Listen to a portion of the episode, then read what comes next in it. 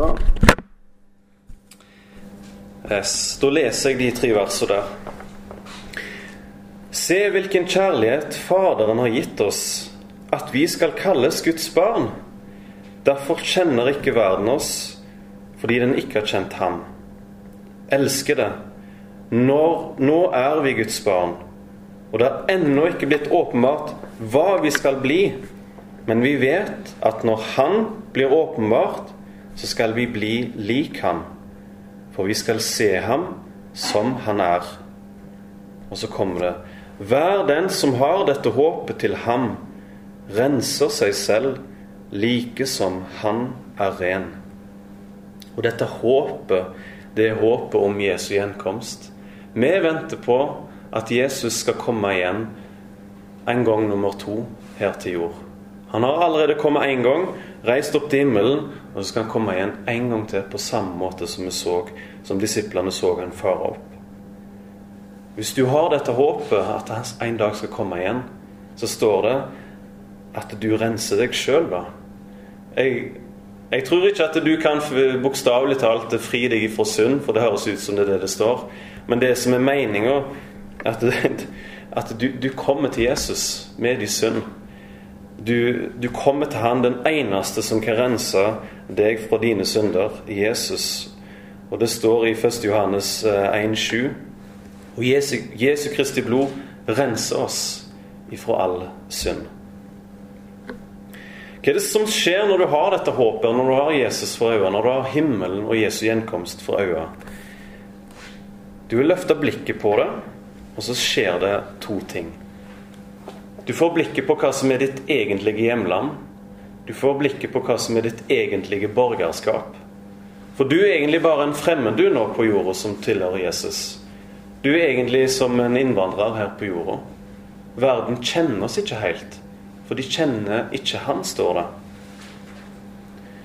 Og det andre som skjer, at det er grunnen til at vi kommer til Jesus og vil bli rensa når vi har dette håpet, her, er at vi har ikke lyst til at noe skal komme imellom meg og Jesus, meg og den kommende himmelen. For du har fått sett noe, og du vet det er sant. At det fins et rike utenfor dette her. Så med en gang noe begynner å smusse seg til, og du merker det at her er det kommet noe imellom, så springer du til Jesus, og du blir rensa på ny. Derfor så står det Og hver den som har dette håpet til Han, renser seg selv like som Han, Jesus, er ren.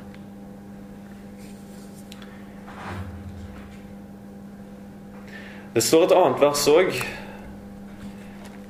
i Hebreerne 12, 1-2, om akkurat dette her som jeg nå snakker om.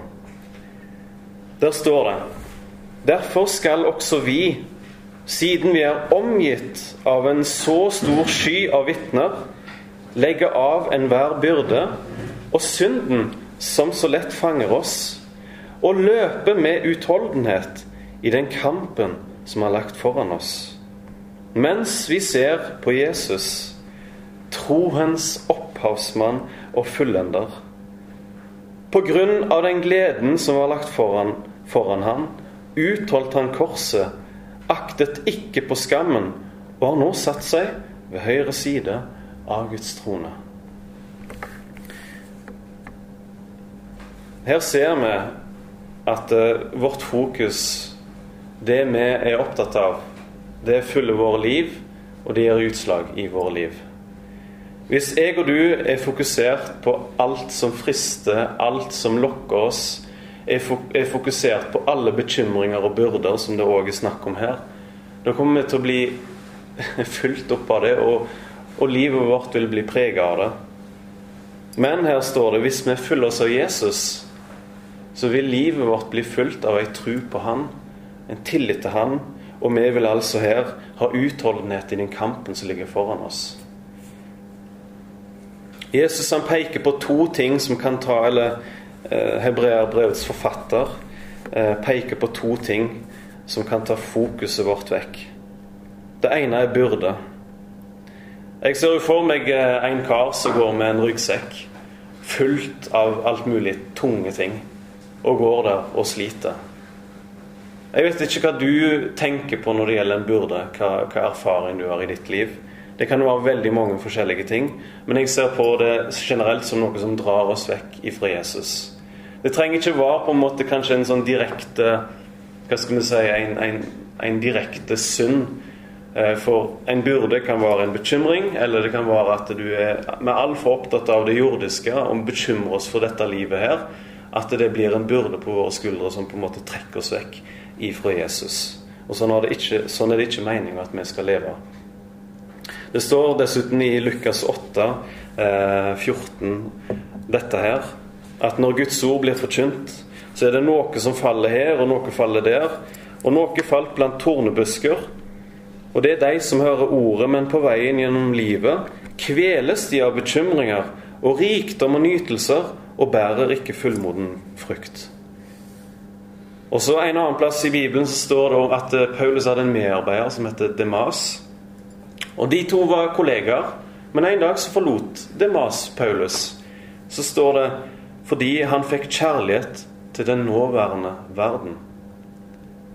Et eller annet som tynga han og ble lagt på han, som var mer verdifullt enn livet i lag med Jesus og tjenesten. Det er derfor vi har fått en advarsel her. Legg av oss den byrden der. Legg av oss det som kan ødelegge for forholdet til Jesus. Og Jesus advarer spesielt i de siste tider. Så kommer dette her til å bli særlig aktuelt for oss.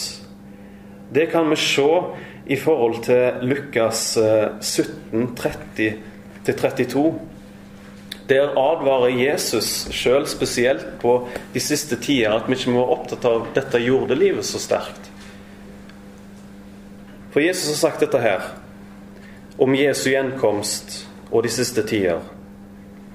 Slik skal det også være den dagen menneskesønnen blir åpenbart. På den dagen må ikke den som er på hustaket, og den som har eiendelene sine i huset, komme ned for å ta dem med bort. Og nå, nå kan du sikkert tenke det var noe rart det at, at folk var på taket. Liksom, det er litt fjernt bilde. Men eh, i Israel her det var snakk om, så var alle tak de var flate, og folk det var normalt å være oppå der. og eh, Folk kunne gå opp og be der på kvelden og sånne ting. og Jeg har sjøl et hus, eller familien, eh, min svigerfamilie har hus i Israel, og vi er hele tida på taket og soler oss og koser oss der. Så helt normalt å være på taket. Ikke tenk på det. Eh, og så står det at på samme måte så er det de som er ute på marken. Han må ikke vende tilbake igjen. Så kommer det i vers 32. Husk Lots hustru. Og det her er altså i en sammenheng som er sagt om eiendeler, og ikke være for opptatt av livet her og nå. Eh, og, og, når det står et vers 'Husk Lots hustru' Vi skal minnes om et eller annet som har skjedd her i Gamle Testamentet. Og I Gamle Testamentet så var det sånn en historie om om Sodoma og Gomorra, som eh, var nedtynga av eh, folket som bodde der. De levde i en luksus. De brydde seg ikke om eh, de var, Det står at de var likegyldige. Det står at de, de, de, hadde en sånn De hadde ingen nød for fattige. De koste seg, de hadde det fint. Det var mye ulike synder. En av de mest berømte er, er den homoseksuelle synden som florerte veldig der. Men altså, der kom i den byen der, eh, eller i de byene, eh, Sodoma var det vel, ehm, så, så står det at eh, Abraham han, han ba for denne byen, for han fikk innsikt og vite om at her skulle denne byen bli utsletta. Og så skjer det at Abraham ber for byen, går i forbønn. Og så hører Gud på den bønnen og sender et par engler for å berge de som eh, er rettferdige. Eh, Bl.a. Lot og hans familie skal få lov til å bli berga før ødeleggelsen. Og Så kommer de englene, og så besøker de huset eh, til Lot. Tenk, de, de, liksom, de, banker på og går inn. De oppfører seg som to vanlige mennesker. Eh, og snakker med dem at nå skal det bli en ødeleggelse. Har dere flere folk her i byen? Så må dere berge dem og ta dem med, så skal vi gå. Har dere familie? Og eh, noen de bare lo av det. Eh, det står at eh, Jeg tror det var svigersønnene. De syntes det bare var mor. De bare syntes dette var tåpelige greier. Men så ble til slutt så måtte de rømme. Det var sånn at England sa nå er timen inne. Og så var det sånn at de var litt treige å komme seg av gårde. Så englene grabba tak i nevene til dem og sprang ut av byen med, med, med Lot. Men så var det én regel. De fikk høre ikke se dere tilbake når Gud sender ildregnet over byen. Ikke se dere tilbake. Uansett. Og så er det da historien er sånn at eh, de, de rømmer av gårde. Lot springer, kona springer, og de to døtrene springer. Svigersønnene de ble igjen. De trodde ikke på dette her. Og så skjer det i det ildregnet kommer, at eh, Lots hustru hun snur seg tilbake igjen og kikker. Og så i samme, øyeblikk så blir hun forvandla til ei saltstøtte. Der. Der tok, fikk hun, mista hun livet sitt. Og advarselen ligger i at jeg er overbevist i denne sammenhengen her at når ildregnet kom over, over huset, så tenkte nok kanskje hun kona her Åh, det fine huset mitt.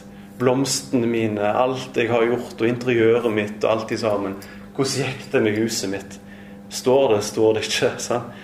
Et, eller annet sånt vi har gått gjennom henne. En kjærlighet til byen, en kjærlighet til samfunnet. Og så snudde hun seg. Og akkurat den historien her sier Jesus. Dere, vi som er her, husk på det. Husk på det på en sånn måte at ikke vi er de som snur oss vekk ifra Jesus, snur oss vekk ifra den retningen vi egentlig skal ha. Og så har vi kjærlighet til dette livet her, til den nåværende verden.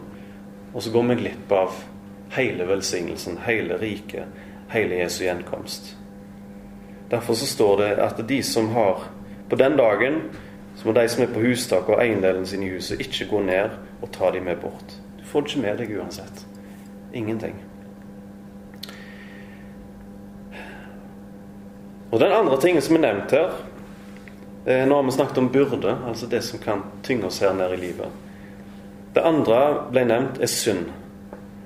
Eh, synd er jo alt det som er både vi bommer på i forhold til som er Guds vilje, og unnlatelsessynder òg.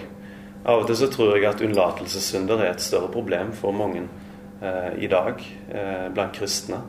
Vi kan liste oss opp ei liste at jeg, ja, jeg gjør ikke sånn, jeg gjør ikke sånn, jeg gjør ikke sånn. Eh, men vi kommer absolutt til kort når det gjelder eh, Ja. Men det er en helt annen historie. Det er ikke det jeg skal gå inn på nå. Heldigvis. Eh, Jesus han har kjøpt oss fri ifra synden. Jesus har kjøpt oss fri ifra, ifra kjødets makt. Sånn at, og det har kommet Du har fått Den hellige ånd, som gjør at det, det, er en, det, er en, annen natur for deg nå. Eh, før så kunne du kanskje leve i synd, og du, du elsket det, du nøt det. Men nå har du fått en ny natur. Du er forhåpentligvis gjenfødt. Og du vil ikke lenger leve i det eller ligge i det og så vil Jesus lede deg. Og så står det at alle de som er ledet av Guds ånd, de er Guds barn. Um, men denne synda her, den kommer snikende inn på oss. Den, eh, den, den, er der fortsatt. Det er en kamp. Og så advarer Bibelen oss imot et par ting her. Og det står bl.a. i Hebreerbrevet kapittel 12 og vers 16 så gir det et eksempel på hvordan jeg og du skal være på vakt overfor synder i våre liv. At ikke det slår rot.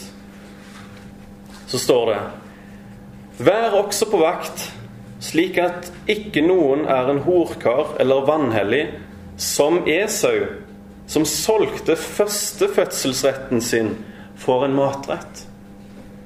Og Hvis du lurer på hva i alle dager er det, så hva er det, hva er det for en historie, da?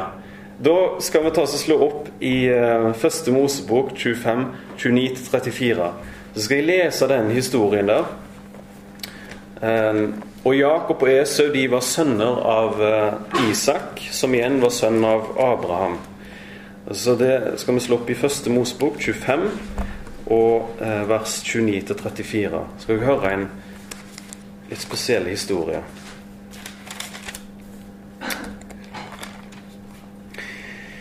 Jakob kokte en stuing, altså en eller annen matrett som han hadde fått lagt. Og Esau, tvillingbroren hans, kom hjem fra marken. Jakob han var forresten en sånn litt himakjært type. Så var mye hjemme med mor si og Jeg tipper han hadde lært seg å lære masse mat, for han var liksom en som sprang rundt skjørtet til mor si. Mens Esau han var en Brutus. Han var en hårete kriger og en mann som var ofte ute og ville heller skyte dyret enn å være hjemme og koke det. Og Nå hadde altså Esau vært ute. Så står det Esau kom hjem fra marken, og han var utmattet. Ingen fangst, med andre ord. Esau sa til Jakob jeg ber deg, la meg sette til livs noe av den røde stuingen, for jeg er utmattet. Derfor ble han kalt Edom, altså rød, bokstavelig talt. Men Jakob sa, selg meg denne dag, på denne dag din fødselsrett. Altså arveretten. altså du vi forstår det prinsippet med den dag i dag. Eh, nå har det gått litt vekk at den eldste skal arve alt, på en måte, og de, de andre får bare smulene eh, den dag i dag. Men på den tida der, det var den første som var født, det var store greier. Og nå sier altså Edom, han er villig på en måte Han, han sier videre Se, jeg holder på å dø. Hva betyr da denne fødselsretten for meg? Da sa Jakob, sverg da for meg på denne dag. Dermed avla han ed for ham og solgte fødselsretten sin, førstefødselsretten sin til Jakob. Jakob gav Esau brød og linsestuing. Han spiste og drakk og sto opp og gikk derfra. Slik foraktet Esau fødselsretten sin. Hvorfor deler jeg denne historien her nå? Jo, fordi eh, advarsel i forhold til å bare falle i synd og leve i synd og akseptere det i sitt liv. Og krangle med Gud i forhold til Guds ord at jo da, dette er greit, og dette kan vi holde på med, og det er ikke så farlig. Nesten all synd appellerer til vårt kjød i forhold til Vi vil ha det her og nå. Vi vil ha noe som er, som er på en måte kortsiktig og kjapt. Det er deilig med all den gleden vi bare kan få her og nå. Moses så eh, Det står at han han valgte å lide vondt i lag med Guds folk enn å ha en kortvarig nytelse av synden. Legg merke til at synd er alltid kortvarig her og nå. Mens det også velge faktisk å følge Jesus, det kan føre til masse lidelse, utholdenhet og kamp. Det er ikke rart at mennesker velger synda. Den er så deilig og så søt her og nå.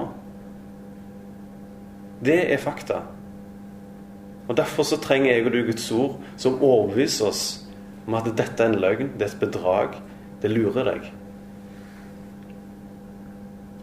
Bare se på Esau. Han, eh, han, trodde han holdt på å dø. Han trodde han trengte dette her så inderlig.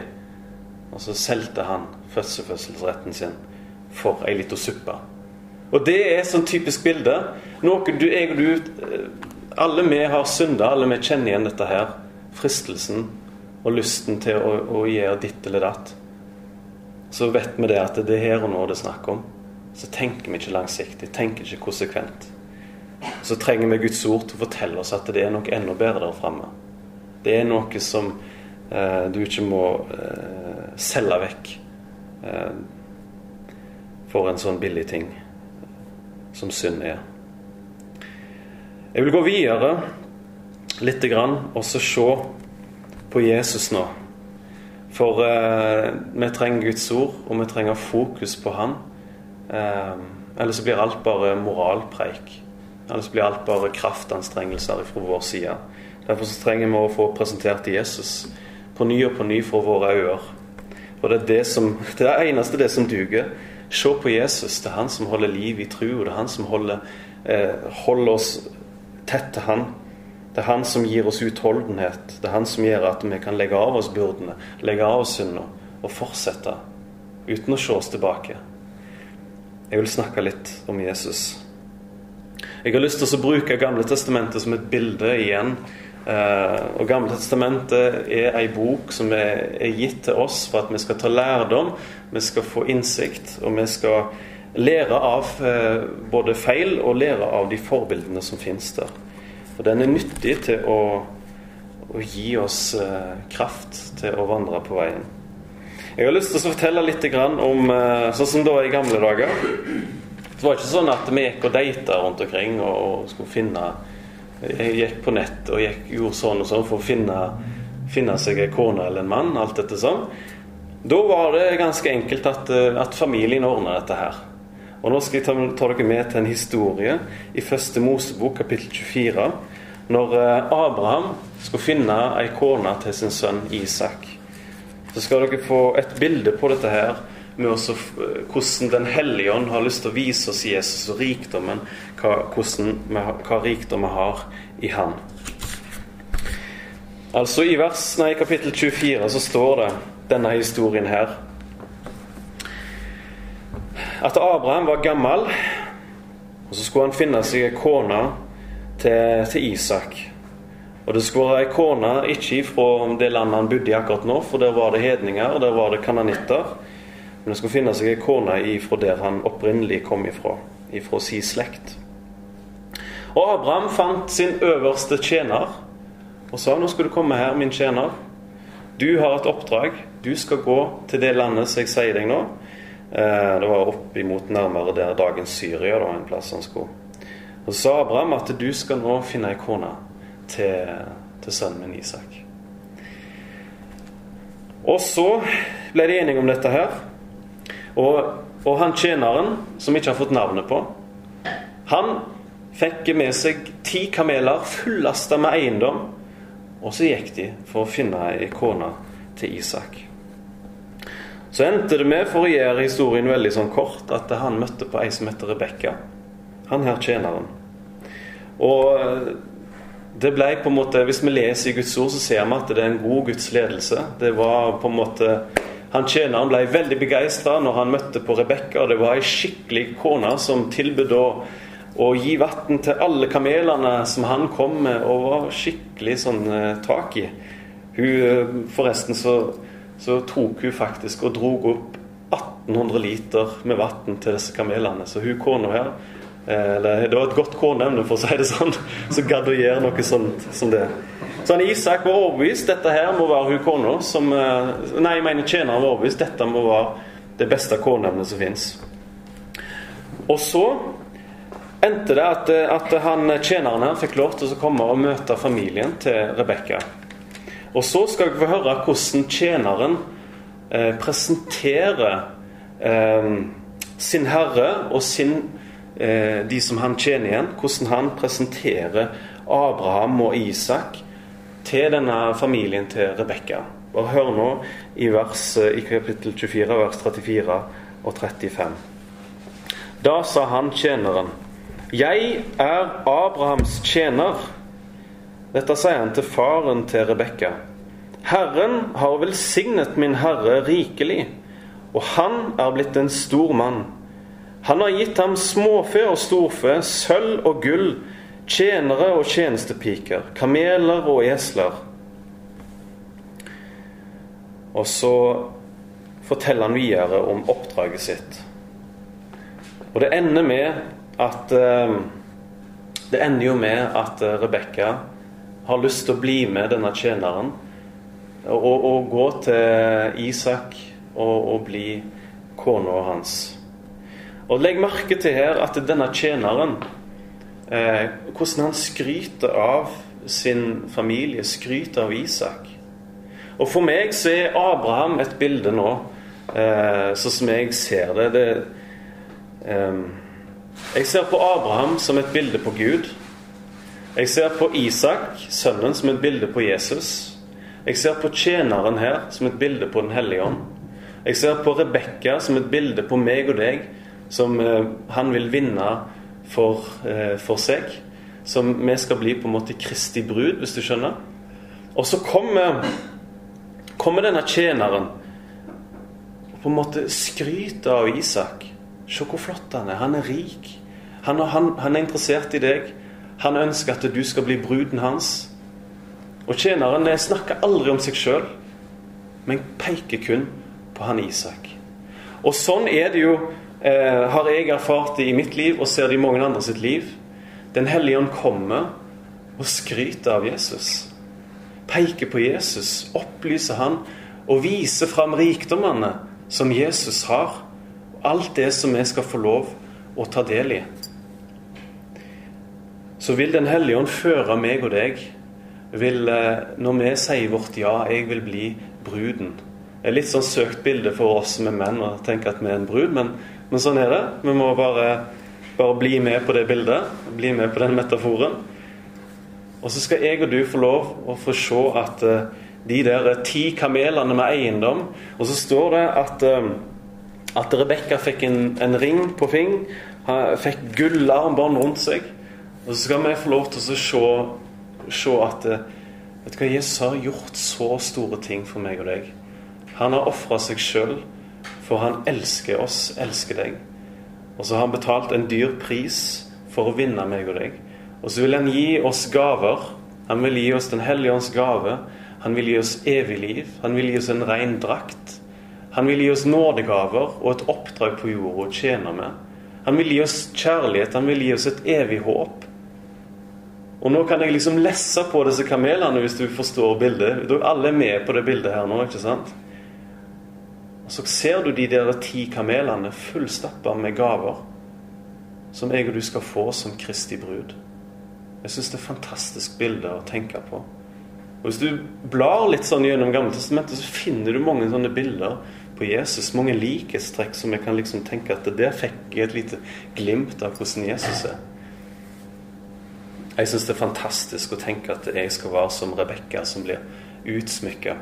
Og så står det på vandringen på en måte fram til jeg skal få lov å møte Jesus ansikt til ansikt, så står det at det, i, i vers um, i vers 53 i samme kapittel så tok tjeneren fram smykker av sølv, smykker av gull og klær, og han ga dem til Rebekka. Fantastisk. Det er et bilde på at eh, Den hellige ånd har lyst til å utsmykke deg. Eh, mens vi på vandringen her på jorden skal fram og møte Jesus som vår brudgom, og vi er hans brud. På veien så vil han utruste deg. Han vil utsmykke deg med gaver, gi deg åndelige gaver som du skal få lov å tjene med. Tenk det. Vet du at du har fått en gave? Vet du at du er, har fått en utrustning? Og nå er vi veldig inne på liksom, i, i metaforer som kvinner kanskje passer, ser seg mer for, for, i. Men vet du at eh, Den hellige ånd vil gi deg en utrustning som ligner på en krigers rustning. Han vil gi deg sverd i neven Guds ord og lære å kjempe med det. Han vil gi deg en, et skjold, så når livet er vanskelig og fristelsene kommer, skal få lov å løfte opp det skjoldet som er en tillit eh, til Jesus, troens skjold. Han vil at du skal få lov å ta på deg en hjelm, eh, frelsens hjelm, som skal bevare dine tanker i Kristus Jesus. At ikke du lar dine tanker fære alle plasser og får løgntanker inn, men bli bevart i frelsen hos Jesus. Han vil at du skal ta på deg rettferdighetsbrynje.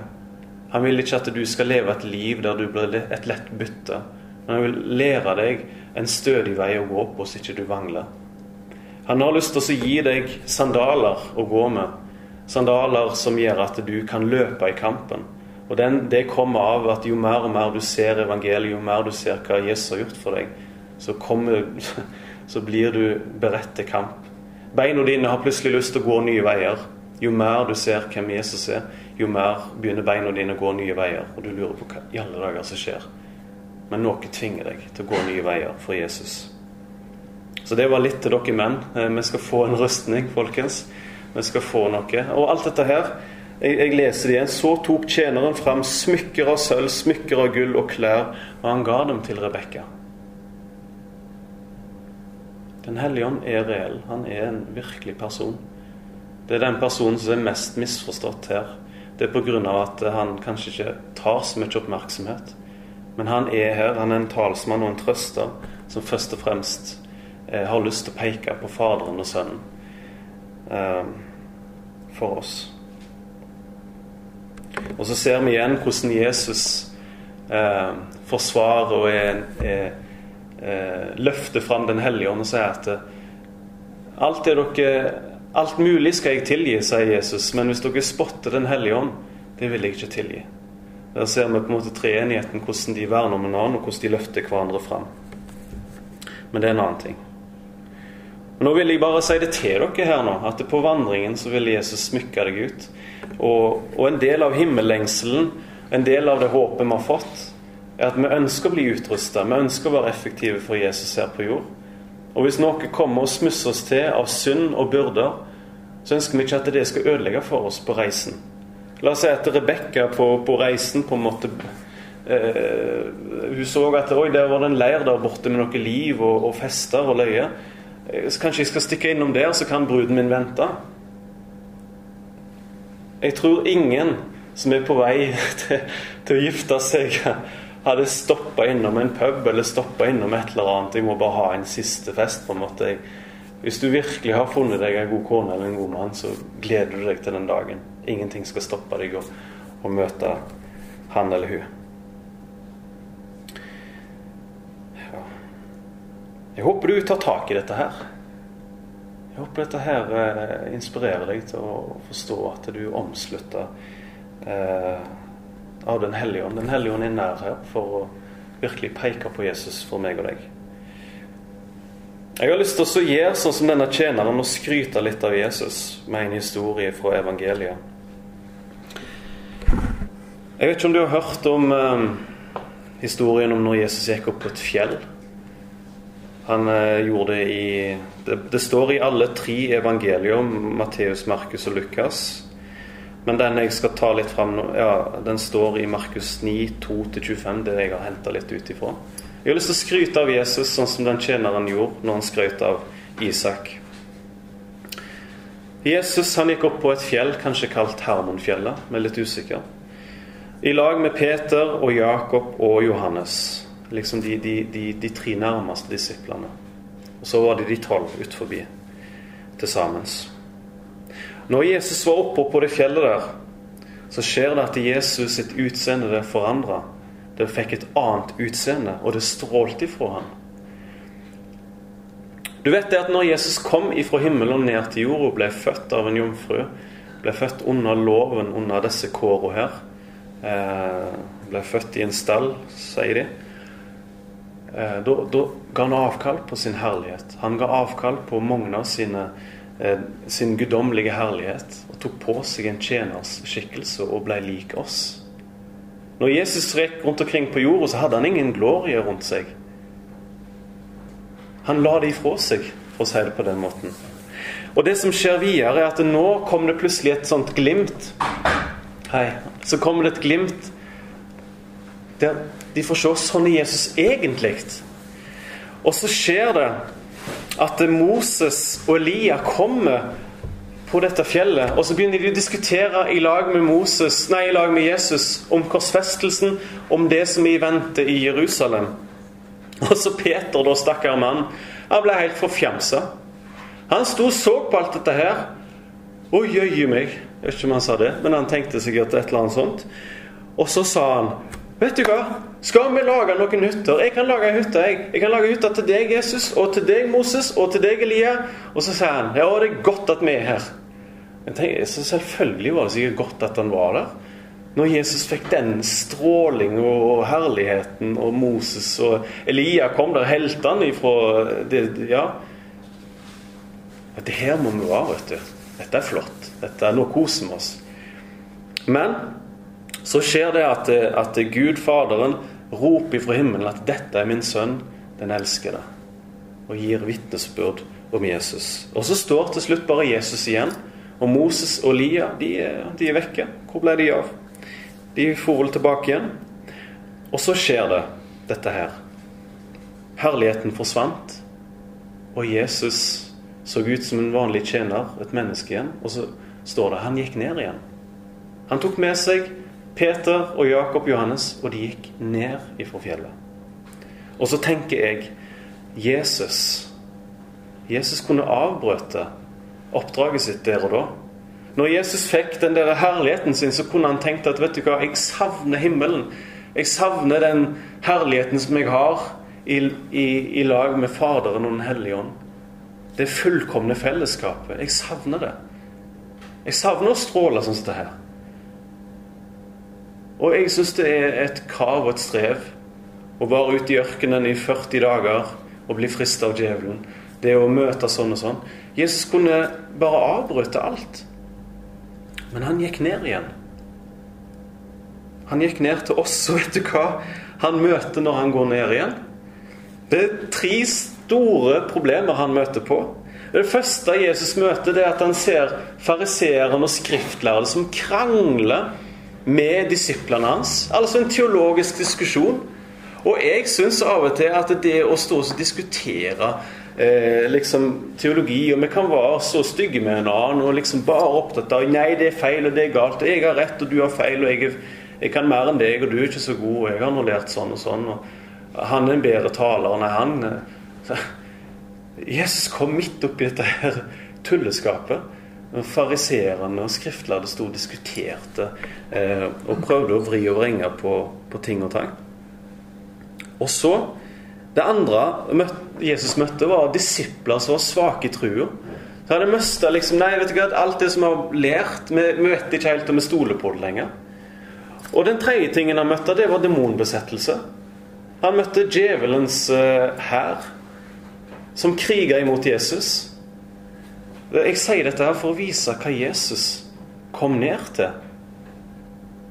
Det var ikke en liten campingtur en liten sydentur Jesus var ute på.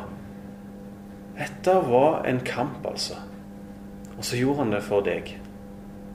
Jeg tror at Jesus gikk ned ifra det fjellet. Han tenkte på meg og deg. Han visste hva som var i vente. Han gjorde det for oss.